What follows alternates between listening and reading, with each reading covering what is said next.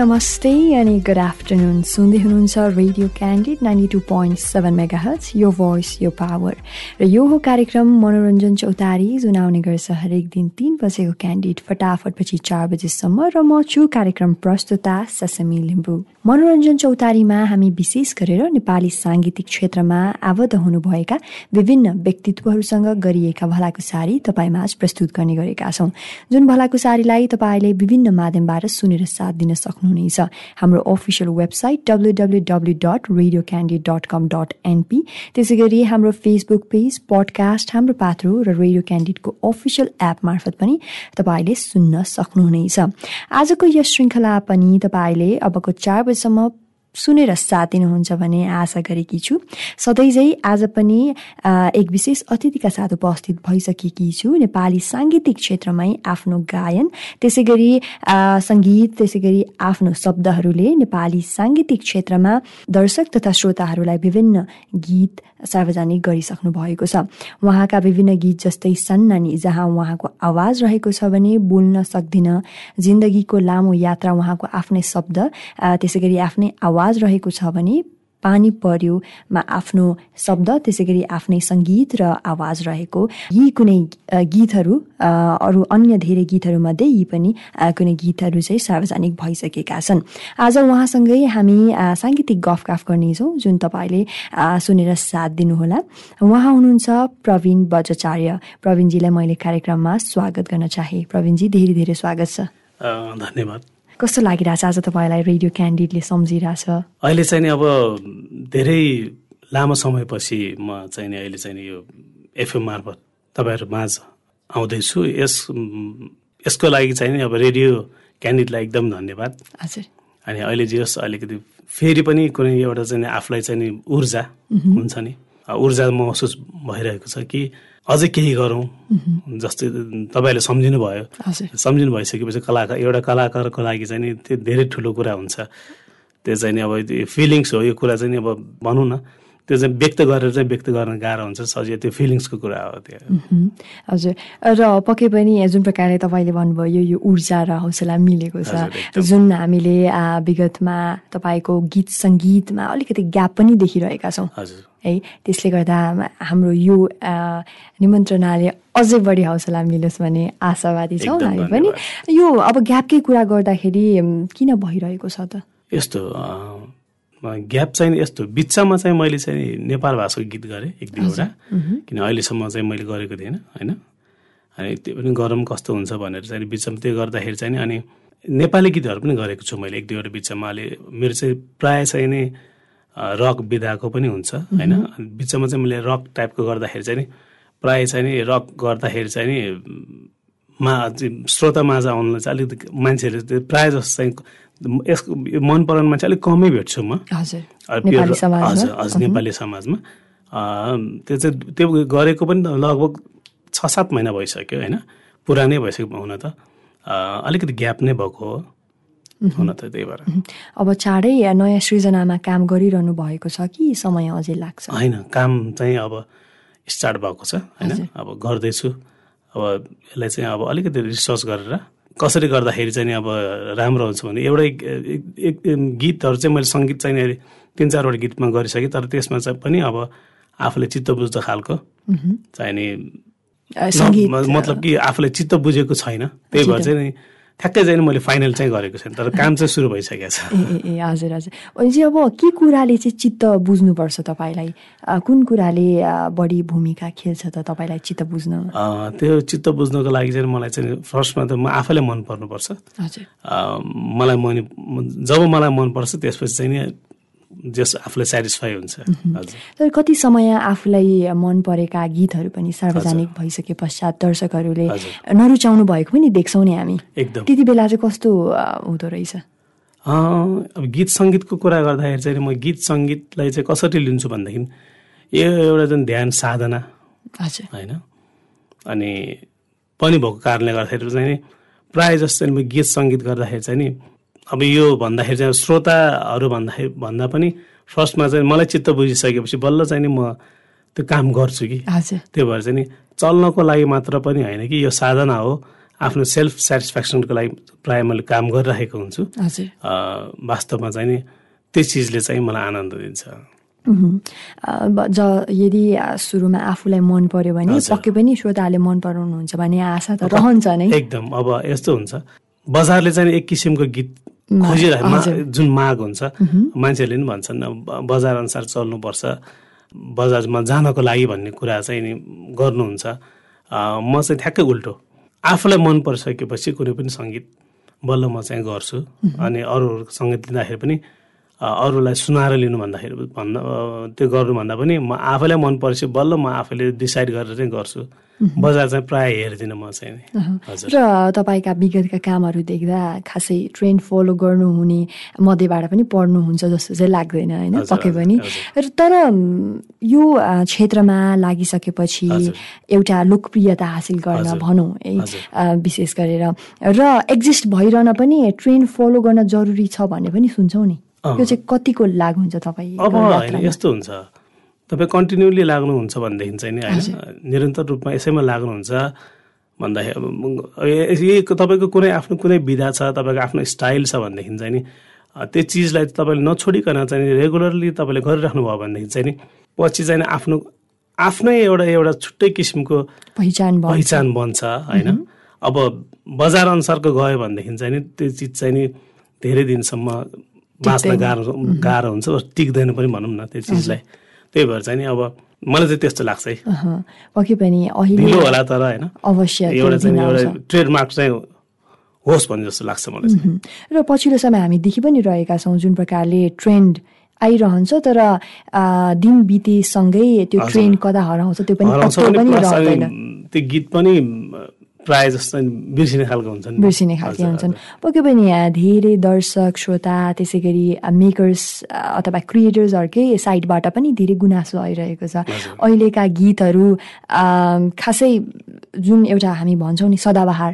गीतहरू सृजना गर्ने चलन थियो त्यस्ता बनिएका छैनन् भन्ने पनि सुन्छौँ नि तपाईँ आफैले चाहिँ कसरी हेरिरहनु भएको छ अब आज भन्दा भनौँ न पन्ध्र बिस वर्ष अगाडिको पप सङ पप गीतहरू जस्तै अब तपाईँको माया मेरे मायालाई लिउँ होइन? त्यो बेलाका धेरै छन् कलाकारहरू। उहाँहरूको गीत सुन्दाखेरि चाहिँ नि अब नेपथ्य नै भनौँ पहिलाको त्यो उहाँहरूको गीत सुन्दाखेरि चाहिँ नि पुरानो पहिलाको पप्स गीत भए पनि अहिले सुन्दाखेरि पनि त्यत्तिकै आनन्द आउँछ होइन? पहिलाको पप्स गीतहरू। तर अहिलेको गीतहरू चाहिँ नि तपाईँको त्यति चाहिँ नि मान्छेहरूलाई चाहिँ हुन्छ नि हजुर टच चाहिँ गर्ने। नगर्ने होइन गर्ने हो। तर त्यो चिज चाहिँ मनसम्म चाहिँ नपुग्ने। त्यस्तो लाग्छ कि मलाई चाहिँ अब पहिलाको सृजना र अहिलेको हुन त अब उही मान्छे हुन् होइन? हामी सबै मान्छे एउटै हुन्। तर त्यो बेलामा चाहिँ नि गर्ने गीत सङ्गीतमा चाहिँ अलिकति मेहनत चाहिँ बेसी गर्छौँ। हामी पनि त्यो बेला गर्थ्यौँ। होइन? गर्नुहुन्थ्यो भने त्यो बेलामा चाहिँ। एउटा गीत गर्नको लागि पनि धेरै प्र्याक्टिस गरेर त्यसको लागि धेरै रिसर्चहरू गरेर धेरै चाहिँ साधना गरेर चाहिँ नि निकाल्ने चलन थियो पहिला। अहिले त विभिन्न किसिमको टेक्नोलोजीहरू आएर पनि अनि हामी कलाकारहरू आफै पनि अल्छी भएका छौँ। भनेपछि। यो प्रविधिको विकाससँगै यो क्षेत्रमा अलि अल्छिपना पनि ल्याइदिएको कि अरू पनि केही फ्याक्टर्सहरू छन् अफेक्ट गरिरहेका? अब एक नम्बर त यो प्रविधिले गर्दाखेरि पनि हो। होइन अब केही मिस्टेक भयो भनेदेखि त्यो चिजलाई धेरै किसिमबाट एडिट गरेर मिलाउन मिल्छ आजकल।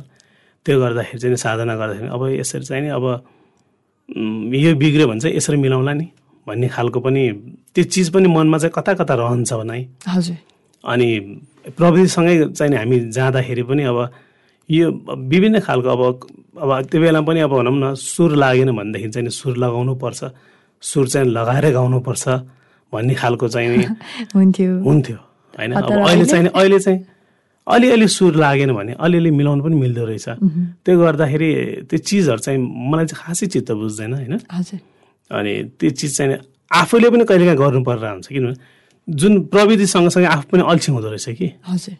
त्यो माहौलले नै हुन्छ नि। ल प्रवीण अब यसरी मिलाउनु त भनिसकेपछि अब भनौँ न अब बहुमत भनौँ न पाँचजना मान्छेले बोलिसकेपछि आफू एक्लो पर्दाखेरि हो किन? जस्तो हुन्छ त्यो समयमा चाहिँ त्यो त्यो मान्छेले तान्दो रहेछ कि? हजुर। भनौँ न।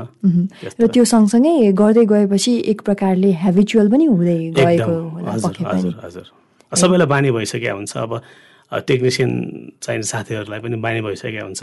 यसरी मिलाउँ उहाँ सबैलाई इजी किसिमबाट जाउँ भन्ने खालको भइसकेको हुन्छ। अनि त्यही कारणले गर्दाखेरि पनि मलाई चाहिँ नि अलिकति चाहिँ नि अहिलेको सङ्गीत चाहिँ सबै त नभनौँ कुनै कुनै सङ्गीतहरू चाहिँ नि बजारको ट्रेन्डसँग चल्ने तर चलिसकेपछि पछिसम्म सुन्नको लागि पनि मजा नआउने खालको बनेको हो कि जस्तो लाग्छ। तर तर गीतहरू राम्रा राम्रा गीतहरू पनि धेरै बनेका छन् अहिले। राम्रा गीत पनि बनेका छन् त्यसै गरी तपाईँले भन्नुभएको जसरी नै ट्रेन्ड फलो गर्ने तर पछिसम्म हामीले हेर्ने हो भने पोजिटिभली लिँदाखेरि धेरै गीतहरू चाहिँ राम्रो राम्रो गीतहरू पनि छन्। तर राम्रो गीत चल्न चाहिँ अलिकति गाह्रो हुन्छ।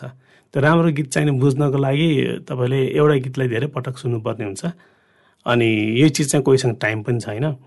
अनि अब एफएमहरूमा पनि अब टेलिभिजन युट्युबहरूमा पनि अब दिनदिनै अब नयाँ नयाँ गीतहरू आउँदाखेरि कुन हेर्ने?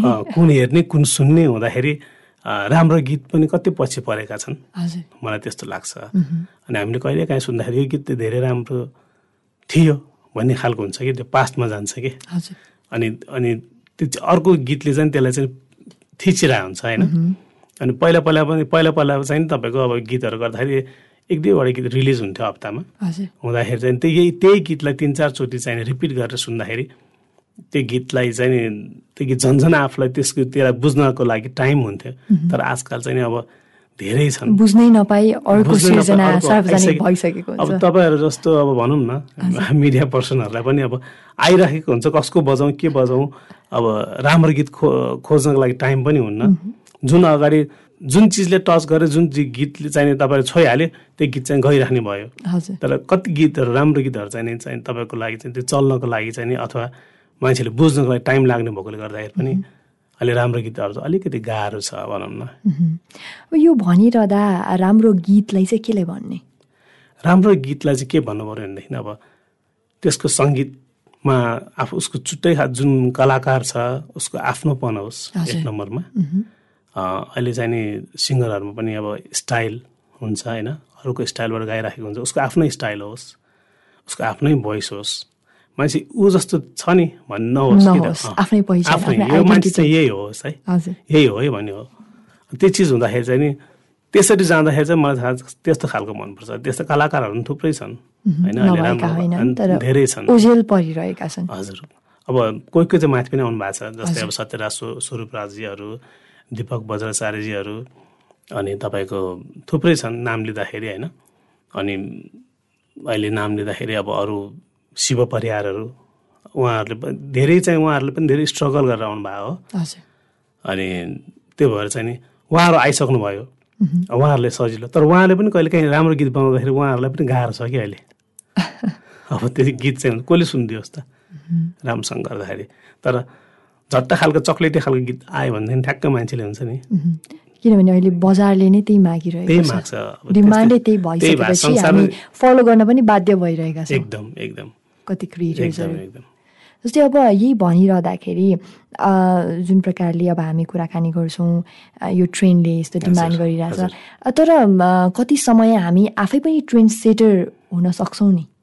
हो त्यो चिज गर्नको लागि चाहिँ अहिले चाहिँ के छ भनेदेखि नेपालको बजारमा गीत सङ्गीत गरेर चाहिँ नि तपाईँको जीविका चलाउन गाह्रै छ होइन? त्यो चिज गर्नको लागि लगानी धेरै चाहिन्छ जुन तपाईँले भन्नुभयो। कन्टिन्यू लाग्नको लागि चाहिँ नि अरू काम छोडेर त्यो गर्नु पऱ्यो त्यो गर्दाखेरि त्यो कलाकारलाई चाहिँ नि यही गरेर चाहिँ नि मलाई खान पुग्छ लाउनु पुग्छ भन्ने भनेर चाहिँ ऊ कन्फिडेन्टका साथ पनि हिँड्न नसक्ने भएको कारणले गर्दाखेरि चाहिँ नि त्यो चिजले गर्दाखेरि चाहिँ तपाईँको अलिकति गाह्रो भएको भनेपछि अझै पनि त्यो व्यावसायिक भइसक्यो भनेर त भन्छौँ तर सम्भावना अझै पनि अलिक कमै देखिरहेका छ अहिले के भएको छ भनेदेखि तपाईँको चल्यो भनेदेखि चाहिँ नि एकदमै चल्यो भनेदेखि चाहिँ नि कन्टिन्युटी कन्टिन्युटी चाहिँ भइरहन्छ। अनि अब चल्दाखेरि पनि अब औँलामा गर्ने हुन्छ नि। यति दस बाह्रजना दुई चारजना उसलाई चाहिँ उनीहरूको चाहिँ नि तपाईँको चल्ला। के होइन भनेदेखि तपाईँको एरेन्जर नै हुनु पर्यो कि उसको आफ्नो रेकर्डिङ स्टुडियो हुनु पर्यो कि ऊ चाहिँ अब कुनै इन्स्ट्रुमेन्ट बजाउने राम्रो खालको इन्स्ट्रुमेन्ट बजाउने चाहिँ कलाकार हुनु पर्यो के होइन भनेदेखि अब काहीँ सिकाउने म्युजिक टिचरहरू हुनु पर्यो त्यसरी चल्न चल्यो भनेदेखि नै चल्न सकिन्छ। अनि गीतै मात्र गाउँछु रेकर्डिङ नै मात्रै गरेर चाहिँ म चल्छु भनेर गर्दाखेरि चाहिँ त्यस्ता चाहिँ नि कलाकारलाई चाहिँ नि अब पैसा नभइकन गाह्रै छ। भनेपछि यदि आफूले यस क्षेत्रमा निरन्तर रूपमा दिन। सक्ने हो भने चाहिँ भर्सटाइल भएर जानु पर्यो हजुर अब अब तपाईँको एकदम मिहिनेत गरेर गीत बनाउँछौँ होइन? त्यसपछि रेकर्डिङमा जान्छौँ त्यसपछि चाहिँ तपाईँको म्युजिक भिडियो बनाइन्छ त्यसपछि त आजकल म्युजिक भिडियो मात्र बनाएर पुग्दैन त्यसलाई बुस्ट गर्नु पर्यो हजुर। अनि सबै काम गर्छ लास्टमा चाहिँ कुनै पनि किसिमबाट चाहिँ गीत चलेन भनेदेखि चाहिँ नि एकजना कलाकारले चाहिँ जुन जम्मा गरेको पैसा हुन्छ नि उसको लगानी त्यस उठ्दै उठ्दैन भनौँ न। मरिसकेको चिज जस्तै हुन्छ। हजुर। मेरो विचारमा। भनेपछि- त्यो बचाउन गाह्रो नै थियो। त्यो उठ्दै उठ्दैन भनौँ न। चल्यो भने चलिहाल्यो चलेन भनेदेखि चाहिँ उसको लगानी सबै खेर गयो। त्यही भएर चाहिँ अहिले एकदम हाई रिक्स पनि छ कि अहिले। कम्पिटिसन पनि एकदमै टफ भइदिएको। हुनाले जति आफ्नो तर्फबाट राम्रो गर्दा गर्दै पनि विभिन्न विधा अथवा बाधा अडचनले गर्दाखेरि चाहिँ लगानी उठ्न गाह्रो नै छ। एकदम यो भनिरहँदा तपाईँ आफैले चाहिँ कस्तो भइरहेको छ त्यो लगानीकै सम्बन्धमा कुरा गर्दाखेरि? मेरो मैले म्युजिक गरेको दुई हजार बाहन्न सालदेखि हो। दुई हजार बाहन्न सालमा हाम्रो ब्यान्ड फर्म भयो गोकटेज भन्ने। त्यो बेला चाहिँ नि म कालिम्पोङमा थिएँ होइन? कालिम्पोङमा म पढ्न गएको थिएँ। यहाँ चाहिँ नि अलिकति पढाइलाई चाहिँ अलि डिस्टर्ब चाहिँ भयो अरे घरबाट। यहाँ चाहिँ राम्रोसँग पढेन भनेर। हजुर। अनि त्यहाँ जाँदाखेरि त्यहाँ हाम्रो ब्यान्ड फर्म गऱ्यौँ गोकटेज भन्ने। त्यसमा चाहिँ नि म रिदम गिटारिस्ट र किबोर्ड बजाउँथेँ। हजुर। अनि ब्याक भोकल गर्थेँ। अनि एक दुईवटा गीत पनि गाउँथेँ त्यो बेलामा। अनि त्यसरी नै चल्दै चल्दै गर्दाखेरि चाहिँ हाम्रो बिचमा चाहिँ त्यो बेला चाहिँ कम्पिटिसन पनि कसरी हुन्थ्यो भनेदेखि त लाइभ कम्पिटिसन हुन्थ्यो। तपाईँको लाइभ कम्पिटिसन हुन्थ्यो जस्तो त्योभन्दा पहिला प्रतिभाको दबली भन्ने हुन्थ्यो होइन? त्यो बेला Sajan Smriti pop song competition Rara pop हुन्थ्यो सानमिगल पप हुन्थ्यो। त्यो गर्दाखेरि चाहिँ नि हामीले तिन चार पटक जित्यौँ जित्यौँ पनि होइन? अनि त्यसपछि चाहिँ नि अब दुई हजार बाहन्न सालदेखि अहिले दुई हजार उनासी। उनासीसम्म आउँदाखेरि चाहिँ नि म्युजिकबाट चा- चाहिँ नि हामीले चाहिँ नि पैसा पनि कमायौँ। कमायौँ। है। म्युजिक मात्र गर्थ्यौँ अनि हामीले चाहिँ नि ठमेलमा विभिन्न प्रोग्रामहरूमा विभिन्न इभेन्टहरूमा जस्तै अब न्यु इयर आउँथ्यो क्रिसमस आउँथ्यो हामीले रेगुलर जस्तो हामीले बजाउँथ्यौँ। म्युजिकल नाइट गर्थ्यौँ हामीले ठमेलमा अनि यस्तै पपहरूमा गर्थ्यौँ त्यो त्यो गर्दाखेरि चाहिँ हामीले चाहिँ खासै घाटा लागेन। हामी चाहिँ कसरी गयौँ भनेदेखि कभर सङहरू गर्थ्यौँ प्रायः चाहिँ इङ्ग्लिस सङहरू होइन? पहिलादेखि नै अब इङ्ग्लिस सङ हामीले गर्थ्यौँ अनि कभर सङहरू गर्थ्यौँ। त्यसपछि चाहिँ ब्यान्ड चाहिँ नि टुक्रियो भनौँ न। कोही अमेरिका गयो कोही अस्ट्रेलिया गयो होइन। अनि त्यसपछि हामी दुईजना बेस गिटारिस्ट र म मात्र भयो त्यस फेरि अर्को ब्यान्ड हामीले फर्म गऱ्यौँ कि छ भन्ने। त्यसपछि चाहिँ नि ब्यान्ड यस्तो भयो कि हाम्रो चाहिँ त्यो ब्यान्डले चाहिँ कुनै पनि क्रिएसन नगर्ने हामी चाहिँ खालि कभर गर्ने पैसा मात्र कमाउने। होइन। एउटा एल्बम चाहिँ निकाल्यौँ हामीले त राम्रै भयो। अनि अहिलेसम्म त्यो बेलादेखि अहिलेसम्म आउँदाखेरि चाहिँ नि घाटा चाहिँ लागेको लागेको छैन मलाई। अनि त्यही भएर पनि अब जे होस् म्युजिक नै गरेर चाहिँ म्युजिक नै अनि अर्को कुरा चाहिँ नि मैले म्युजिक नै पढेको हुँ।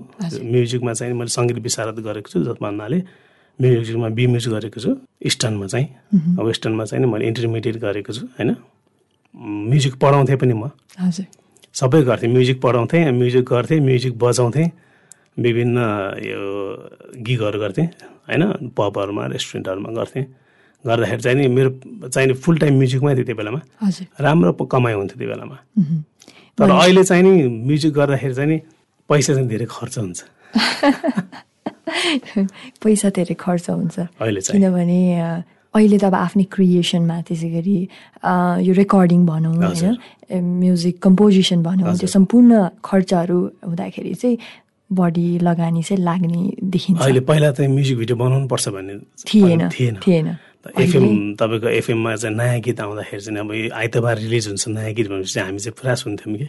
हिट्स एफएमहरू हुन्थ्यो त्यो बेलामा अनेक अब त्यो गीत चाहिँ नि त्यो गीत चाहिँ पनि बजाइदिनु हुन्थ्यो होइन।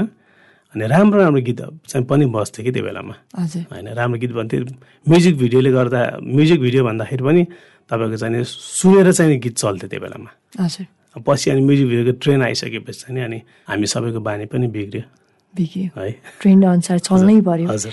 पक्कै पनि यो अडियो सँगसँगै भिडियो आउने जुन ट्रेन्ड बनिदियो। त्यसले नयाँ सर्जकहरूलाई एकदमै गाह्रो। गाह्रो पनि भयो नि लगानी पनि धेरै हुने भयो कि। र फेरि लगानी उठ्ने चान्सेस पनि नभइसकेपछि एकदम। यो क्षेत्रमा फ्युचर अलिकति यसलाई नै म कन्टिन्युटी दिन्छु भनेर अघि बढ्न चाहिँ गाह्रो। नै बनाइरहेको छ। म्युजिक भिडियो पनि फेरि राम्रो बन्यो भने चल्छ म्युजिक भिडियो होइन? फेरि अब राम्रो सबैले राम्रो बनाउँछु भनेर बनाउनुहुन्छ होइन? पक्कै पनि हो कति समय राम्रो भए तापनि दर्शकहरू माझ पुग्न असफल भइरहेको लगानी उत्तिकै खर्च हुन्छ सकिन्छ तर चाहिँ यस्तै बन्छ त्यो त्यो पनि क्रिएसन नै हो नि? क्रिएसन नै हो। अनि यस्तै बन्छ भन् पनि हुन्न अनि चल्छ भन्दाखेरि पनि अब कस्तो बन्छ नै थाहा हुन्न। त्यही भएर पनि अनि यो यो म्युजिकमा चाहिँ लगानी धेरै हुने चाहिँ आजकल कारण चाहिँ त्यही हो। त्यो पनि हो। पहिला चाहिँ तपाईँको दस बाह्र हजार आठ दस हजारमा एउटा गीत सकिन्थ्यो अनि चल्यो चलेन भनेदेखि आफूलाई मन परेन भनेदेखि अरू गीत गर्न सजिलो हुन्थ्यो। तर अहिले अहिले म्युजिक भिडियो नबनाइकन चाहिँ नि तपाईँले गीत मात्र गर्नुभयो भनेदेखि चाहिँ नि त्यो गीत चाहिँ त्यसरी मरेर जान्छ मेरो विचारमा। अब सधैँ यस्तै जुन प्रकारको हामी स्थिरता देख्दैनौँ त्यो सदाबार रहन्छ कि अलिकति चेन्जेस आउला? के लाग्छ तपाईँलाई? अब चाहिँ नि भनौँ न अब हाम्रो हाम्रो अब यो इन्डियै भनौँ। हजुर। योसँग इन्डिया छ अब हाम्रो अब बाहिर बाहिर अरू कन्ट्रीहरू छन्। उहाँहरूलाई हेर्दाखेरि पनि अब अलिकति साधना गरेर आउने हो भनेदेखि होइन अलि राम्रोसँग आउने हो भनेदेखि चाहिँ नि जुन हाम्रो कला क्षेत्र छ नि त्यो कला क्षेत्र चाहिँ नि एकदम राम्रो हुन्छ नेपालको। किनभने त्यो पहिला पहिलादेखि तपाईँको हाम्रो नेपाल भन्ने देश चाहिँ के भन्दा यहाँ चाहिँ विभिन्न खालको विभिन्न एकदम चमत्कारी चिजहरू छन्। जस्तै बाहिरबाट पनि विभिन्न मान्छेहरू आएर यहाँ साधना गर्ने ध्यान गर्ने यहाँबाट चाहिँ सम्पूर्ण चिजहरू प्राप्त गर्ने हुन्छ नि एउटा सिद्ध प्राप्त गर्ने भन्ने ठाउँ चाहिँ नि यो चाहिँ हाम्रो भूमि हो भन्छ कि नेपाल भन्ने कुरा। अनि नेपालमा सबै कुरा पनि छ। तर चाहिँ नि अलिकति हामीले चाहिँ अब अलिकति मिहिनेत गरेर अलिकति त्यसलाई टाइम दिएर तपाईँको क्वान्टिटी भन्दा पनि अलिकति क्वालिटी दिन खोज्यौँ भनेदेखि चाहिँ नि हाम्रो कला क्षेत्र गीत सङ्गीत मात्र होइन फिल्महरूदेखि लिएर सम्पूर्ण चिजहरू चाहिँ नि राम्रो पक्कै पनि हुन्छ। तर सबैले गर्नु पऱ्यो। अब यहाँ चाहिँ अलिक छिटो छिटो गर्ने खोज्ने जे पनि। इजिली इजिली अब फिल्म बनाए पनि अब अब यसो मुख हेरेर अब यसो राम्रो हाइट साइट छ अब मान्छे हिरो देखाएको छ भनेदेखि अथवा मान्छे चाहिँ राम्रो देखाएको छ भने हिरोइन बनाइदिइहाल्ने। अनि इजिली एकदम। इजिली एकदम इजिली उसको उसले त कला हेर्नुपर्ने ठाउँमा चाहिँ नि मान्छेहरूको चाहिँ आउटलुक मात्रै हेरेर चाहिँ नि यहाँ चल्ने भयो कि सबै कुराहरू।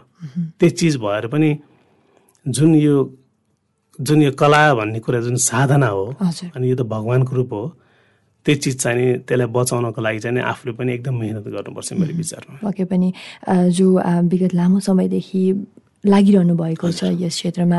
यो आउने ट्रेन्डहरूलाई फलो नगरिकन होइन साधना जुन प्रकारले तपाईँले भन्नुभयो यसलाई त्यसरी लिएर एउटा आउटलुकलाई मात्रै फोकस नगरेर कलालाई नै चाहिँ कसरी एउटा सर्वोत्कृष्ट बनाउन सकिन्छ त भन्नेतिर फोकस गरियो भने पक्कै पनि भविष्यमा राम्रो तरिकाले नै राम्रो गतिमा नै लान सकिन्छ। अब पहिला पहिला चलिरहेको थियो त पहिला पहिला हाम्रो नेपाली मुभीहरू पनि भनौँ न त्यो बेलाका सम्झनाहरू कान्छी हो भन्ने मुभीहरू। अहिले हेर्दाखेरि पनि मजा आउँछ के? साइनोहरू तर अब अहिलेको मुभी हेर्नु त हेर्नै गाह्रो हुन्छ कति मुभीहरू त। सबै नभनौँ किन भयो त? त्यो बेला झन् तपाईँको टेक्नोलोजी कम थिए। होइन राम्रो विकास भएको थिएन। त्यो मुभी हेर्दाखेरि चाहिँ अहिले पनि तपाईँलाई आनन्द आउँछ अरे। जस्तै लाहुरे भयो अनेक फिल्म फिल्महरू छन् नि। मुभीहरू छन्। तर अहिलेको मुभी हेर्दाखेरि हेर्दाखेरि चाहिँ त्यति रस आउन्न। मजा आउँदैन तपाईँलाई छुँदैन। गीतहरू पनि अब पहिलाको गीत सुन्दाखेरि त पहिला गीतमा त के नै थियो न टेक्नोलोजी थियो न टेक्निसियनहरू राम्रो थिए। होइन? एकदम सिम्पल्ली हुन्थ्यो रेकर्डिङ तर त्यो गीत सुन्दाखेरि र अहिले गीत सुन्दाखेरि पहिलाको गीतले नै जित्छ के? किन भनेदेखि त्यसमा चाहिँ नि धेरै साधना भए। भित्री मनदेखि लागेको भए। अहिले चाहिँ नि कि पैसा कमाउनलाई कि आफू चल्नको लागि? बाहिर आफ्नो खालि पपुलर कसरी हौँ भन्ने मात्र चाहिँ नि अहिले चाहिँ नि कलाकारमा त्यो भएको कारणले गर्दाखेरि चाहिँ जो पनि आइदिने। केही नसिकिकन केही नजानिकन केही नबुझिकन पैसा भयो भने आइहाल्ने।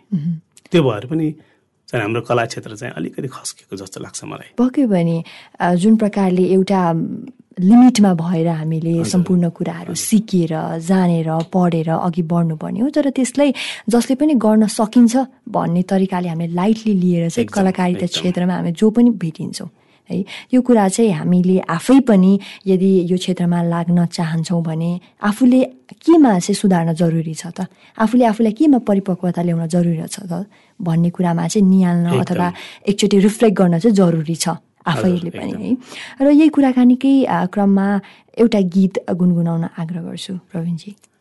यो चाहिँ यो पशुहरूको अरू प्राणीहरूको चाहिँ नि भोइस भनौँ न।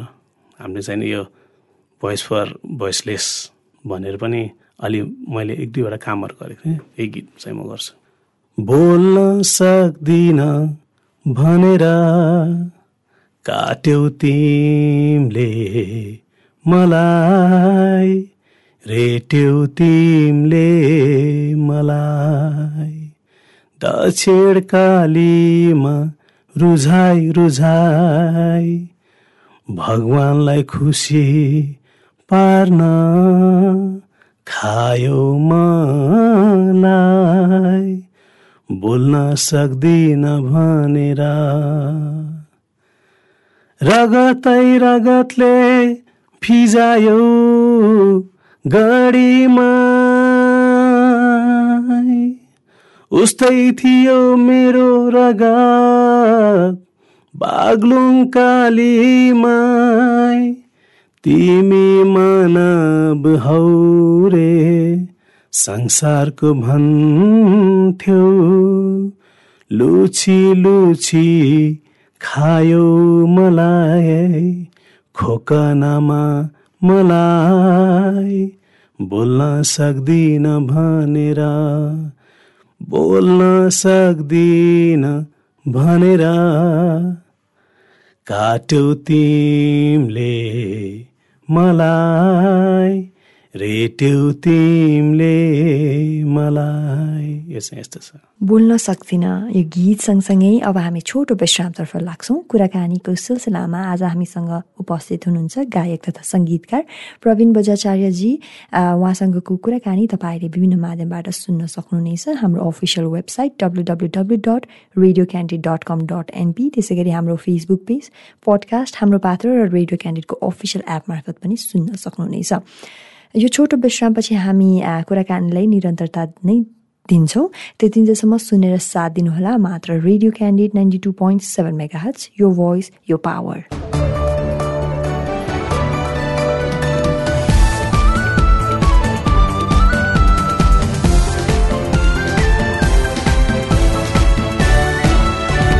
This is Radio Candid, 92.7 megahertz. Your voice, your power.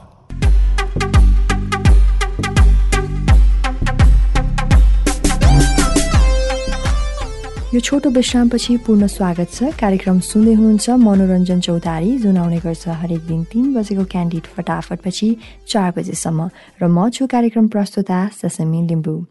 Nepali साङ्गीतिक क्षेत्रमा आबद्ध हुनुभएका विभिन्न व्यक्तित्वहरूसँग गरिएका भलाकुसारी तपाईँले हाम्रो विभिन्न माध्यमबाट सुन्न सक्नुहुनेछ। हाम्रो official website W W dot radio Candid dot com dot NP त्यसै गरी हाम्रो Facebook page podcast Hamro Patro र रेडियो क्यान्डिडको अफिसियल अफिसियल एप मार्फत पनि सुन्न सक्नुहुनेछ। आजको कुराकानीको सिलसिलामा हामीसँग उपस्थित हुनुहुन्छ गायक त्यसै गरी सङ्गीतकार प्रवीण बजाचार्यजी उहाँसँगको कुराकानीलाई निरन्तरता दिने क्रममा प्रवीणजीलाई पूर्ण स्वागत गर्न चाहे। हजुर धन्यवाद। विश्राम अघि हामी बोल्न सक्दिन। को बारेमा थोरै तपाईँले जानकारी गराउनु भयो। तपाईँ आफै पनि पशुप्रेमी हुनुहुन्छ एनिमल लभर र डग स्पेसलिस्ट पनि रहनु भएको छ। तपाईँको आफ्नै K nine dog training and care पनि स्थापना गर्नुभएको छ। यसको बारेमा थोरै भनिदिनुहोस् न। नेपालमा चाहिँ नि बाहिर बाहिर जाँदाखेरि चाहिँ नि बाहिर बाहिर कुकुरहरूको पशुहरूको एनिमलहरूको होटेल हुन्थ्यो कि। कहीँ जानु पऱ्यो भनेदेखि चाहिँ नि मान्छेले त्यहीँ छोड्ने अनि केयरिङ सेन्टर हुन्थ्यो। अनि मलाई पनि नेपालमा गर्न मन लाग्यो। त्यही भएर चाहिँ नेपालमा फर्स्ट टाइम मैले चाहिँ नि आजभन्दा पच्चिस वर्ष अगाडि canine dog training and care भनेर चाहिँ नि मैले खोलेँ। अनि यहाँ चाहिँ प्रायः चाहिँ हामीले के गर्छौँ भनेदेखि तपाईँहरू कहीँ जानु जानुहुन्छ भनेदेखि कहीँ जाँदै हुनुहुन्छ घरमा केही पर्दाखेरि चाहिँ हामी कहीँ त्यो तपाईँहरूको चाहिँ आफ्नो प्यारो कुकुरहरू बिरालो हुन्छ कसै कसैको मुसा होला कसैको चाहिँ नि तपाईँको ह्यामस्टर होला कसैको पन्छी होला चरा होला हामी कहाँ चाहिँ नि हाम्रो चाहिँ नि जिम्मेवारीमा छोडेर जान सक्नुहुन्छ। त्यो खालको अफिस हो अनि हामीले चाहिँ कुकुरलाई चाहिँ नि ट्रेनिङ पनि गर्छौँ। जस्तै किनभनेदेखि तपाईँको कुनै पनि जनावरलाई चाहिँ नि तपाईँको आफ्नो घरमा राख्नको लागि चाहिँ उसको फ्यामिली मेम्बर बनाउनको लागि चाहिँ नि उसलाई पनि केही चिज सोसियलाइज गर्नु जरुरी हुन्छ। त्यो कारणले गर्दाखेरि पनि तपाईँको ट्रेनिङ एकदम जरुरी हुन्छ। अब कुकुरकै कुरा लिँदाखेरि तपाईँको कुकुर भन्ने कुरा त फर्स्टमा त कुकुर भन्ने त पशु नै हो नि। हजुर हो। अनि पशु भइसकेपछि बल्ल पशु भइसकेपछि त्यसको नामाकरण कुकुर भनेर मान्छेले नै राखेको होला। कि भगवान्ले राखेको होला होइन? अनि मान्छेले चाहिँ यो हाम्रो फ्यामिली मेम्बर भन्छन् होइन। तर त्यो फ्यामिली मेम्बर बनाउनको लागि चाहिँ नि जसले चाहिँ नि कुकुर पाल्नु भएको छ उहाँले अलिक मेहनत गर्नुपर्छ।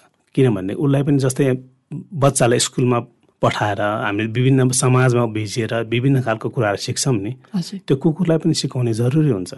पछि चाहिँ नि कुकुरलाई चाहिँ गाली गर्ने यो कुकुर चाहिँ बदमास भयो यो कुकुर यस्तो गर्यो उस्तो गर्यो कुकुरलाई गाली गर्ने होइन। कुकुरलाई त्यो कुकुरलाई बनाउने त मान्छेले हो। त्यसैले पनि ट्रेनिङ एकदम जरुरी हुन्छ। अनि जब हामीले ट्रेन गरेर कुकुरलाई चाहिँ आफ्नो घरमा आफ्नो फ्यामिली मेम्बर बनाउन लायक गर्नको लागि पनि ट्रेनिङ एकदम जरुरी हुन्छ। त्यो भएर पनि अनि त्यस त्यो सोचले पनि अनि हामीले डग ट्रेनिङ सेन्टर पनि खोल्यौँ। जुन चाहिँ कुकुरको बिहेभ सम्बन्धी पनि काम गर्छु म। अनि कुकुरको बिहेभ सम्बन्धी पनि पढेर आएँ मैले नेपालमा फर्स्ट नै होला मेरो विचारमा होइन? त्यो बेला चाहिँ हामीले चाहिँ घरमा गएर चाहिँ कुकुरको के छ उसको मान्छेलाई के छ उसलाई मान्छेले के चाहेको छ त्यो अनुसारको चाहिँ नि कुकुरलाई चाहिँ हामीले बिहेभहरू सिकाउँछौँ। अनि जुन चिजले गर्दाखेरि चाहिँ नि मान्छेलाई चाहिँ नि कुकुरलाई चाहिँ आफ्नो फ्यामिली मेम्बर बनाउनको लागि चाहिँ उसलाई चाहिँ हामी लायकको बनाइदिन्छौँ। पक्कै पनि उहाँ अथवा कुकुरहरूलाई। चाहिँ मानिसमा सोसलाइज हुन पनि। सर्टेन कुराहरू सिकाउन जरुरी छ एकदम छ हामी आफै पनि सोसलाइज हुन कति गाह्रो भइरहँदाखेरि कुकुर भनेको त पशु हो। होइन कम्प्लिटली डिफ्रेन्ट फ्रम अस त्यही भएर चाहिँ यी कुराहरूलाई चाहिँ निहाल्दै एउटा डगलाई कसरी बिहेभ गर्न सिकाइन्छ अथवा के कुराको जरुरी हुन्छ भन्ने कुरा चाहिँ यो ट्रेनिङ एन्ड केयर मार्फत चाहिँ गराउन हजुर, सकिन्छ। सुवि यी सुविधाहरू चाहिँ रहेका छन्। अब यसलाई अझैसम्म नि कन्टिन्युटी दिइरहनु भएको छ। अहिले पनि। निरन्तर नै छ। अहिले त झनै मलाई धेरै काम गर्न मन लागिरहेको छ। किन अहिले चाहिँ कस्तो मान्छेको देखा सिकेँ। हजुर। कसैले चाहिँ नि अब यो खालको एउटा एक किसिमको ब्रिड पाल्यो भनेदेखि चाहिँ नि उसले पनि त्यही ब्रिड खोज्ने। तर पछि भविष्यमा चाहिँ त्यसले चाहिँ के के चाहिँ नि तपाईँलाई डिस्टर्ब गर्छ कि गर्दैन। घरको सम्पूर्ण मेम्बरले मन पराउँछ पराउँदैन। त्यो कुकुरको सम्पूर्ण लाइफलाई पनि हेर्नुपर्ने हुन्छ कि। त्यो नहेरिकन मान्छेले चाहिँ नि अब के ट्रेन चलेको छ भनेदेखि तपाईँको अब यो एकजनाले एउटा कुकुर पाल्यो म पनि त्यस्तो त्यसको चाहिँ त्यो पनि राम्रो हेरेर अर्काको हेरेर देखा सिकेर पाल्ने चलन छ। त्यस्तो चाहिँ नगरिदिनु होला। तपाईँलाई साँच्चीकै मन पर्छ पर्छ भनेदेखि चाहिँ पाल्नु। हजुर। अनि अब किनभनेदेखि अलिकति आफूले केयर गर्न सकिन्छ केयर केयर भने मात्र होइन। अब। एक नम्बरमा त तपाईँसँग कुकुर पाल्नको लागि चाहिँ नि अलिकति तपाईँ इकोनोमिकल्ली पनि हुनु पर्यो। हुनु पर्यो होइन। उसलाई भोलि बिरामी होला। हाम्रो जस्तो होस्ट खुवाउनु पर्यो। खाना खुवाउनु पर्ला हाम्रो जस्तो होस्टेलमा राख्नु पर्ला कहिले काहीँ जे पनि हुनसक्छ। मन मात्र परेर हुन्न तर चाहिँ कुकुर चाहिँ ल्याउ घरमा ल्याउनु भन्दा भन्दा पनि त्यसलाई केयर गर्न अलिक गाह्रो छ। त्यो भएर पनि विचार गरेर पाल्दाखेरि राम्रो हुन्छ। एउटा सबैले पालिरहेको त छ नि। हामी पनि पालिहेरौँ न। भन्ने मनस्थितिले मात्र नभएर राख्ने राख्ने गर्दाखेरि त अब उसको पनि मनै हो बिचरा बोल्न नसक्ने मात्र हो। किन फ्रिडम भन्ने स्वतन्त्र जसलाई पनि मनपर्छ मेरो विचारमा। मनपर्छ। चाहिन्छ पनि। र पक्कै पनि हृदयबाट नै म पाल्छु भनेर एउटा आर्ट साथ। यदि त्यस्तै खालको स्पेस हामीले क्रिएट गर्न सकिन्छ। अथवा त्यस्तै खालको केयर उसलाई प्रोभाइड गर्न सकिन्छ भने मात्रै डग ल्याउने चाहिँ प्रयत्न गरौँ। कुनै पनि एनिमल कुनै पनि एनिमल विशेष गरेर चाहिँ अहिले हामी डग देख्छौँ होइन प्रायः अहिले। प्रायः डग अब अरूहरू चाहिँ नि अब भित्री भित्री हुने भएकोले अब पन्छी पाल्दाखेरि पनि सानो पिन्जडामा हामीले देख्दैनौँ होइन। तर कसरी पाल्ने कुन चाहिँ पन्छी पाल्ने कुन चाहिँ नपाल्ने त्यो पनि हुन्छ। अब कसरी यो त्यो जङ्गलबाट ल्याएको छ कि कहीँको ब्रिडिङ बर्ड हो कि त्यो बुझेर पाल्दाखेरि चाहिँ ठिक हुन्छ जस्तो लाग्छ मलाई चाहिँ। अब यो सँगसँगै तपाईँ म्युजिकमा पनि हुनुहुन्छ। होइन।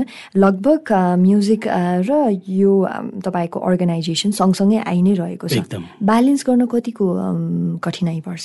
पहिले चाहिँ हामीले बाउन्न चौन्न साठी सालसम्म चाहिँ कम्प्लिट म म्युजिकमा मात्रै लाग्थेँ होइन। हजुर। कुकुरमा भन्दा पनि धेरै। बिचमा पनि अलिक ग्याप भयो। त्यसपछि फेरि म म्युजिकमा गरेँ होइन। अनि म्युजिकले म्युजिक नै मेरो फुल टाइम थियो। सिकाउँथेँ बजाउँथेँ ब्यान्ड पनि थियो होइन त्यो बेलादेखि नै। अनि पछि चाहिँ नि अब ब्यान्ड मेम्बरहरू पनि सबै बाहिर जाने ट्रेनहरू चल्यो नि त सबै बाहिर जान बाहिर गए। हामी एक दुईजना मात्र बाँकी भयो त्यसपछि नि अनि यहाँ चाहिँ नि सङ्गीतमा लाग्नको लागि र म सङ्गीतमा छु है भनेर चाहिँ नि आफ्नो मनदेखि चाहिँ नि हुन्छ नि लाग्नको लागि चाहिँ नि गीतै गाउनु पर्दो रहेछ क्या म पहिला चाहिँ नि खासमा गिटार बजाउँथेँ। हजुर। अनि त्यसपछि हुन त मैले दुई हजार बाहन्न सालदेखि नै गाउँथेँ होइन? तर एक दुईवटा। म चाहिँ गायक बन्छु भनेर यो क्षेत्रमा लागेको होइन? सङ्गीतकार बन्छु भनेर वास्तवमा हो। अनि त्यसपछि गाउन थालेँ। पहिला एक दुईवटा गाउँथेँ सुरु सुरुमा। अनि अहिले पछि चाहिँ नि ब्यान्ड चाहिँ नि हाम्रो सबै सबै साथीहरू छुट्टिएपछि।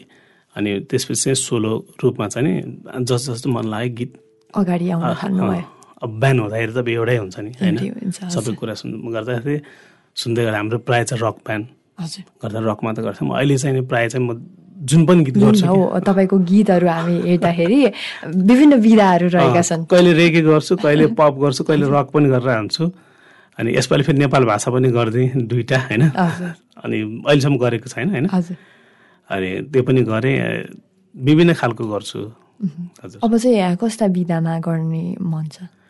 मलाई चाहिँ नि जुनसुकै गीत गर्दाखेरि पनि तपाईँको अलिकति मेलोडी गीत जस्तै रकै गरे पनि अहिले म चाहिँ अहिले चाहिँ रेगे एउटा गीत गर्दैछु मैले रेगेमा होइन? रेगे गरे पनि रक गरे पनि पप गरे पनि अलिकति चाहिँ नि तपाईँको लिरिक्स र त्यसको मेलोडी मेलोडी मेलोडी चाहिँ नि अलि राम्रो होस् भन्ने खालको चाहिँ नि मलाई त्यस्तो खालको चाहिँ गीत चाहिँ नि अहिले गर्न मन लागेको छ। पहिला चाहिँ त्यति ध्यान दिइनँ थियो होइन खालि यो म्युजिसियन भएर म्युजिकमा बढी ध्यान के? ए, हजुर अब गिटारको पिसहरूमा अनि तपाईँको इन्स्ट्रुमेन्ट इन्स्ट्रुमेन्टहरूमा पर्कुसनहरूमा ध्यान जान्थ्यो।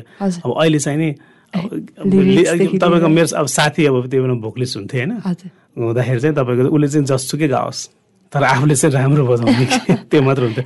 अब अहिले चाहिँ नि त्यसमा पनि प्लस पोइन्ट भयो भनौँ न। त्यो चाहिँ हेर्छु आजकल चाहिँ।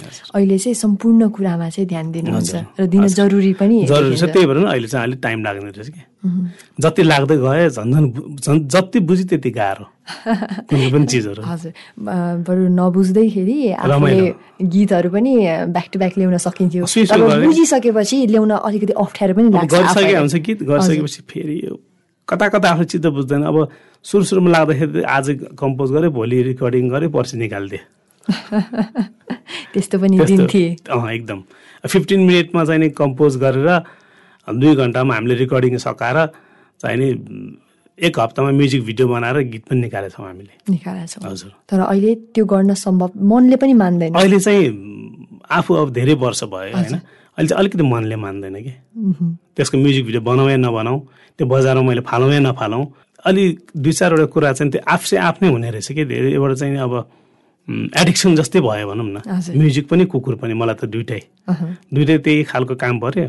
अब कुकुर पनि अब पैसा मात्र कमाउने भनेर चाहिँ नि कसैले कुकुरको काम गर्नुहुन्छ भने त एकदम गलत हो। अहिले चाहिँ त्यो ट्रेन पनि पैसा कमाउनलाई मात्र पनि कुकुर काम गर्छन् अहिले। त्यो पाप हो। होइन। सकिँदैन। होइन गरेका छन्। गरिरहेका छन् होइन। त्यो पाप हो। तपाईँले कुकुरको काम गर्नको लागि चाहिँ तपाईँलाई कुकुर मन पर्नुपर्छ। तपाईँले सङ्गीत गर्नको लागि तपाईँलाई सङ्गीत मन पर्नुपर्छ। उसले गायो म पनि चल्ने भनेर तपाईँले गीत गाउनु भयो भनेदेखि दुई चारवटा गीत गाउनुहुन्छ नि त्यसपछि हराएर छैन। अब मैले त भनौँ अब मेरै कुराले मैले बाउन्न सालदेखि गरेको। गर्दिनँ फेरि गर्छु गर्दिनँ। त्यो छोड्नै सकिनँ कि त्यो एडिक्सन रहेछ कि त्यो? त्यो ब्लडमै मिसिँदै जाने रहेछ कि? बाउन्न सालदेखि अहिले सेभेन्टी नाइन भनेपछि त होइन धेरै वर्ष भयो होला। अनि कुकुर पनि मैले दुई हजार चौन्न सालदेखि सुरु गरेको कुकुरको काम पनि। चौन्न सालदेखि अहिलेसम्म आउँदाखेरि तपाईँको कन्टिन्यू दुइटै काम। धेरैचोटि भने घरको मान्छेहरूले पनि यो कुकुर काम छोडिदियो कुकुरमा किन कुकुरको काम पढ्न गएर कहिले कहाँ गएछ कहिले कहाँ गएछ म्युजिक पनि अब मैले इन्डियाबाट इन्डिया गएँ म्युजिक पढ्नलाई। कुकुरको पनि तपाईँको यो कुकुर सम्बन्धी जुन ट्रेनिङहरू सिक्नको लागि म थाइल्यान्ड गएँ। दुबई गएँ इन्डिया गएँ। विभिन्न मान्छेहरू यता आउँदाखेरि तपाईँको बाहिरकै मान्छे बोलाएर मैले यहाँ सिकेँ अस्ट्रेलियनहरू बोलाएर। गर्दाखेरि चाहिँ नि सुरुमा त किन गरेँ जस्तो लाग्यो कि मलाई। मैले सोचेको थिएँ त्यो बेला। मैले जब मैले लगानी गरेको थिएँ त्यो बेला धेरै लगानी भयो। लगानी गर्दाखेरि चाहिँ यो लगानी उठ्छ कि उठ्दैन भन्ने दिमागमा आएन। मन पऱ्यो गरिराखेँ। मन पऱ्यो गरिराखेँ। तर चाहिँ नि मेरो चाहिँ मेन प्रोफेसन नै यो दुइटा भइदियो कि अनि। अनि अब यसैले चाहिँ सबै चिजहरू चाहिँ यसैले चल चलाइ पनि राखेको छ भगवान्ले दिएको पनि छ होइन। पुगिराखेको छ अहिलेसम्म पनि। तर सुरुमा चाहिँ आफ्नो प्यासन भन्यो इन्ट्रेस्ट भन्यो गर्दै गयो तर अन्त्यमा आएर चाहिँ लगानी उठ्छ कि उठ्दैन भन्ने किसिमका थट्सहरू पनि आए है? त्यो आएन। आएन। त्यो गर्दाखेरि त आएन। खालि गरिराखेँ एक- एक- एकहोरो तर एकहोरो गर्दाखेरि चाहिँ अनि मलाई पछुतो पनि किन छैन भनेदेखि मलाई आफूलाई चाहिँ म भाग्यमानी पनि ठान्छु। किनभने मलाई जुन काम मनपर्छ नि त्यो गर्न पाइरहनु मैले गर्न। पाएँ र त्यही गरेर मैले खान पाइरहेको छु। भनेपछि त म त भाग्यमानी पनि हो। कति समय हामीले चाहेका कामहरू। गर्न नसकिरहेको बेलामा अझ त्यो काम गरेपछि नै त्यही लगानी अथवा त्यो आम्दानीबाट चाहिँ सम्पूर्ण कुराहरू पुर्याउन धाउधौ पनि परिरहेको छ। कति समय होइन? अब जस्तै तपाईँ जब स्टार्ट गर्नुभयो म्युजिक अध्ययन पनि गर्नुभयो होइन। र सुरुवाती दिनहरूमा चाहिँ म एज अ सिङ्गर भन्दा पनि म्युजिसियनको रूपमा अघि बढ्न हजुर, भन्नुभयो नि। त्यो लगाव अथवा त्यो प्रति इन्ट्रेस्ट चाहिँ कसरी आएको थियो? जब एट क्लास पुगेँ मलाई चाहिँ याद छ। हजुर। सेभेन एट क्लास पुगिसकेपछि चाहिँ नि क्यासेट चक्काहरू पाइन्थ्यो कि किन्न त्यो बेलामा। पछि सिडी आयो त्यसपछि के आयो अहिले त पेन ड्राइभ होइन? हामीले चाहिँ नि पैसा जम्मा गरेर त्यो बेला पैँतिस रुपियाँ उनातिस रुपियाँ पर्थ्यो त्यो बेलामा। त्यो किनेर सुन्थ्यौँ हामीले। अनि त्यो सुनेर अनि सुन्दा सुन्दै नै तपाईँको म्युजिकतिर चाहिँ कुन बेला चाहिँ नि अब यसमा झुकाप गयो? पत्तै। भएन। होइन? अनि अनि हामी हाम्रोसँगै अब हाम्रो यो मुक्ति एन्ड रिभाइभल ब्यान्डको अनि त्यसपछि हाम्रो वरिपरि थुप्रै कलाकारहरू जस्तै कोइली देवी। अनि घर सँगसँगै के सबै। होइन अनि त्यो भइसक्यो उहाँहरूले पनि म्युजिक गर्ने अनि हामीले ब बजाइराख्दाखेरि पनि अनि फर्स्ट ब्रेक दिएको त हामीलाई मुक्तिदाले नै हो। बाहिर ठमेलमा। तिमीले यसरी बजाउने होइन ठमेल आउने अब भनेर गर्दाखेरि त्यही भएर मेरो इन्डियन गिटार थियो मलाई पुरा याद छ कि अनि म पछाडि बसेर बजाइरहेको थिएँ कि अनि अनि मुक्ति दाइले चाहिँ मलाई टक्क समाएर चाहिँ अगाडि राखिदिनु भएको थियो कि पछि सोध्नु किन पछाडि बस्यो भन्दा इन्डियन गिटार छ फरेन गिटारको हो अगाडि बस्ने। कि मेरो त्यो बेलाको याद होइन। अब त्यो त्यो टाइमदेखि नै अब त्यो टाइममा त खालि अर्काको कपी गर्ने बजाउने त्यो बेला फेरि गाह्रो पनि त्यो बेला अब अहिले जस्तो युट्युबमा गीतहरू कपी गरेर कड हेरेर नोट हेरेर बजाउने होइन हामीले। त्यो बेला चाहिँ गीत सुन्यो। एउटै गीत उठाउनको लागि एक हप्ता लाग्थ्यो। पिस पिस उठाउँदै त्यो गीत कसरी गायो फेरि रि गर्दै प्ले गर्दै रि गर्दै प्ले गर्दै कडहरू निकाल्ने लिड निकाल्ने त्यसरी हामीले गीत निकाल्थ्यौँ। त्यो बेलामा। त्यो गर्दाखेरि पनि त्यसै पनि धेरै कुराहरू सिकिन्थ्यो। तर आजकल त तपाईँको कुनै गीत चाहियो भने सट्ट टाइप गरिदियो। सब आउँछ। तपाईँको कडदेखि लिएर। सबै आउँछ होइन। नोट समेत आउँछ। त्यो बेला चाहिँ नि अब त्यसरी आउँदैन थियो। त्यो बेला चाहिँ हामी आफैले सुनेर आफैले क्रिएट गर्नु पर्थ्यो। कि कि बुक हेरेर बुक पढ्नु पर्थ्यो। भन्दाखेरि चाहिँ त्यो भएर पनि त्यो बेलाका कलाकार जुन अहिलेसम्म छन् नि जस्तै अहिले ज्योति दाई हुनुहुन्छ ज्योति घिमिरे मुक्ति दाईहरू हुनुहुन्छ रविना लुजो हुनुहुन्छ अब पछ धेरै छन् त्यस्ता कलाकारहरू होइन? उहाँहरू अहिलेसम्म पनि चाहिँ नि उहाँहरूको चाहिँ जब उहाँहरूले निकाल्नुहुन्छ कुनै क्रिएट गर्नुहुन्छ त्यही किसिमको हाइप हुन्छ। एकदम जस्तै नेपथ्यले कुनै गीत निकाल्यो भनेदेखि तपाईँले सुरुमा सुन्दाखेरि कस्तो कस्तो लाग्यो भने तपाईँले त्यो गीत तिन चार चाहिँ सुन्नुहुन्छ कि? तपाईँले नसुने अरूले सुनेर त्यो गीतको रस चाहिँ नि मान्छेले चाहिँ नि त्यो चाहिँ निचोरेर लिनुहुन्छ कि? ए यो भन्नु खोजिया रहेछ है भनेर एक वर्ष बस्यो भने चल्छ कि? मलाई त्यस्तो लाग्छ। तपाईँलाई कस्तो लाग्छ? हजुर। होइन पक्कै पनि त्यो एउटा जुन प्रकारको गरिरहनु भएको छ एउटा सर्टेन हाइप क्रिएट छ उहाँहरूको होइन। अब लामो समय ग्याप पछि निकाल्नु भयो भने पनि एउटा लोकप्रियता चाहिँ रहन्छ। पक्कै पनि। है। दर्शक श्रोताहरूले त्यही किसिमको माया चाहिँ दर्शिरहनु भएको हामी। देख्छौँ जति पुरानो भए पनि जतिसुकै ग्याप भए तापनि एउटा पर्फर्मेन्स भइरहेको छ भने त्यो लाइभ पर्फर्मेन्स हेर्नको लागि भिड त्यसै गरी। त्यो टिकटमा लाग्ने लाइन त्यही अनुसार नै हुन्छ। है त्यो ग्याप भएको भने पनि के पत्तो नै हुँदैन एकदम र त्यो प्रकारको माया र त्यो प्रकारको जुन पाइरहनु भएको छ उहाँले पक्कै पनि एउटा सङ्गीतलाई चाहिने विभिन्न विधामा हुनुपर्ने भूमिकाहरू चाहिँ राम्ररी नै खेलिरहनु भएको हिसाबले पनि हुनसक्छ। तपाईँले भन्नुभयो जस्तै। अब हामी लगभग कार्यक्रमको अन्त्यमा आएका छौँ। यो कुराकानीलाई एन्डिङतर्फ लानको लागि तपाईँको एउटा गीत गुनगुनाइदिन आग्रह गरेँ। एउटा पुरानो गीत छ। नयाँ नगरौँ होइन? पुरानो गीत गरौँ। पुरानो गीत कुन चाहिँ छ भनेदेखि यो हामीले त्यही बेला चाहिँ बेस्ट लिरिक्स एवार्ड पनि ल्याएको थियौँ। यो गीत चाहिँ कस्तो खालको छ भनेदेखि अहिले चाहिँ प्राय आमा बाबाहरू सबै काममा बिजी बिहे गर्छन् बिहे गरेर सन्तान जन्माउँछन् होइन? सन्तान जन्माइसकेपछि त्यो सन्तानलाई केयर गर्दैनन् टाइमले पनि दिँदैन। सबैजना बिजी भइसकेपछि जब सन्तान बिग्रिन्छन् सन्तानलाई मात्र दोष दिन्छन् नि। यो बच्चा यसरी बिग्रियो मेरो छोराछोरी यसरी बिग्रियो भन्दाखेरि पनि कति कुराहरू पनि तपाईँको आमा बाबुको पनि हात हुन्छ। त्यो सम्बन्धी हामीले गीत गरेका थियौँ त्यो बेलामा। अनि यसले चाहिँ बेस्ट लिरिक्स एवार्ड पनि हामीले चाहिँ उ गरेर बिहान हुँदाखेरि यो गीत चाहिँ दुई चार लाइन उ गर्छु।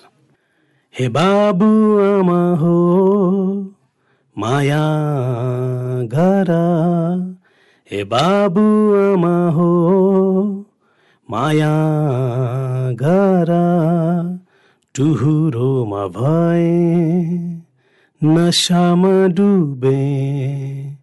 माया मलाई गर्ने। यहाँको छरा अबको छरा। हे बाबु आमा हो माया गर माया हो प्रेरणा सहारा नै माया। जीवनको सुख बहार हो माया माया नपाउँदामा आज यस्तो भए माया मलाई गर्ने यहाँको छरा अबको छरा। हे बाबु आमा हो माया गर। थ्याङ्क यू हे बाबु आमा हो माया गर आमा बुवालाई अथवा त्यही किसिमको माहौल जुन हुन्छ। कहिलेकाहीँ त्यसलाई चाहिँ समर्पित गरेर रचिएको गीत। अब यो गीत सँगसँगै आ, के भन्न चाहनुहुन्छ अन्त्यमा हामीलाई सुनिरहनु हुने श्रोताहरूलाई? सर्वप्रथम त अब तपाईँको यो radio Candid ninety two point seven मेगाहर्सलाई धन्यवाद। अनि मलाई चाहिँ तपाईँले बोलाइदिनु भयो। तपाईँलाई चाहिँ एकदम सम्पूर्ण यो रेडियो टिमलाई एकदम मेरो मनदेखि नै एकदम धन्यवाद छ। धेरै कुराहरू चाहिँ गर्न पाएँ मैले। अझ कुरा गर्दाखेरि जति कुरा गर्न सकि सकिन्न अझ अझ कुरा गरौँ जस्तो लाग्छ। पनि टाइम त छ टाइमले चाहिँ कसैलाई पनि कुर्दैन। त्यो मलाई भन्दा मलाई कुरा चाहिँ के भनेदेखि हामी नेपाली हौँ होइन? नेपाललाई चाहिँ माया गरिदिउँ। नेपाली चिजलाई माया गरिदिउँ। अनि त्यो नेपाली चिजलाई माया गर्नको लागि चाहिँ नि जो नेपाली हुनुहुन्छ उहाँहरूले पनि माया गर्न मिल्ने खालको चिजहरू बनाइदियोस् होइन? त्यही भएर चाहिँ सर्वप्रथम चाहिँ आफ्नो देशलाई माया गऱ्यो भनेदेखि चाहिँ नि तपाईँ हामी आफै धनी हुन्छौँ अनि हामी आफै हाम्रो देश आफै बन्छ त्यसैले चाहिँ हाम्रो नेपाललाई चाहिँ नि आफ्नो देशलाई माया गरिदिनुहोस् म त्यो भन्न चाहन्छु। हामीले आफ्नोपनलाई माया गरौँ आफ्नो जुन प्रकारले हामी विदेशी कुराहरूलाई माया दिइरहेका हुन्छौँ त्यही प्रकारले नेपालीपनलाई पनि। अपनाउन चाहिँ जरुरी छ। अब यही सकारात्मक विचार सँगसँगै हामी कार्यक्रमको अन्त्यमा आइसकेका छौँ। आजको हाम्रो कुराकानीको सिलसिलामा उपस्थित हुनुहुन्थ्यो गायक तथा सङ्गीतकार प्रवीण बज्राचार्यजी भोलि पूर्ण एक विशेष अतिथिका साथमा उपस्थित हुने नै छु। आज भने म कार्यक्रम प्रस्तुता ससमी लिम्बू। यहाँबाट बिदा माग्न चाहन्छु। हस्त नमस्ते।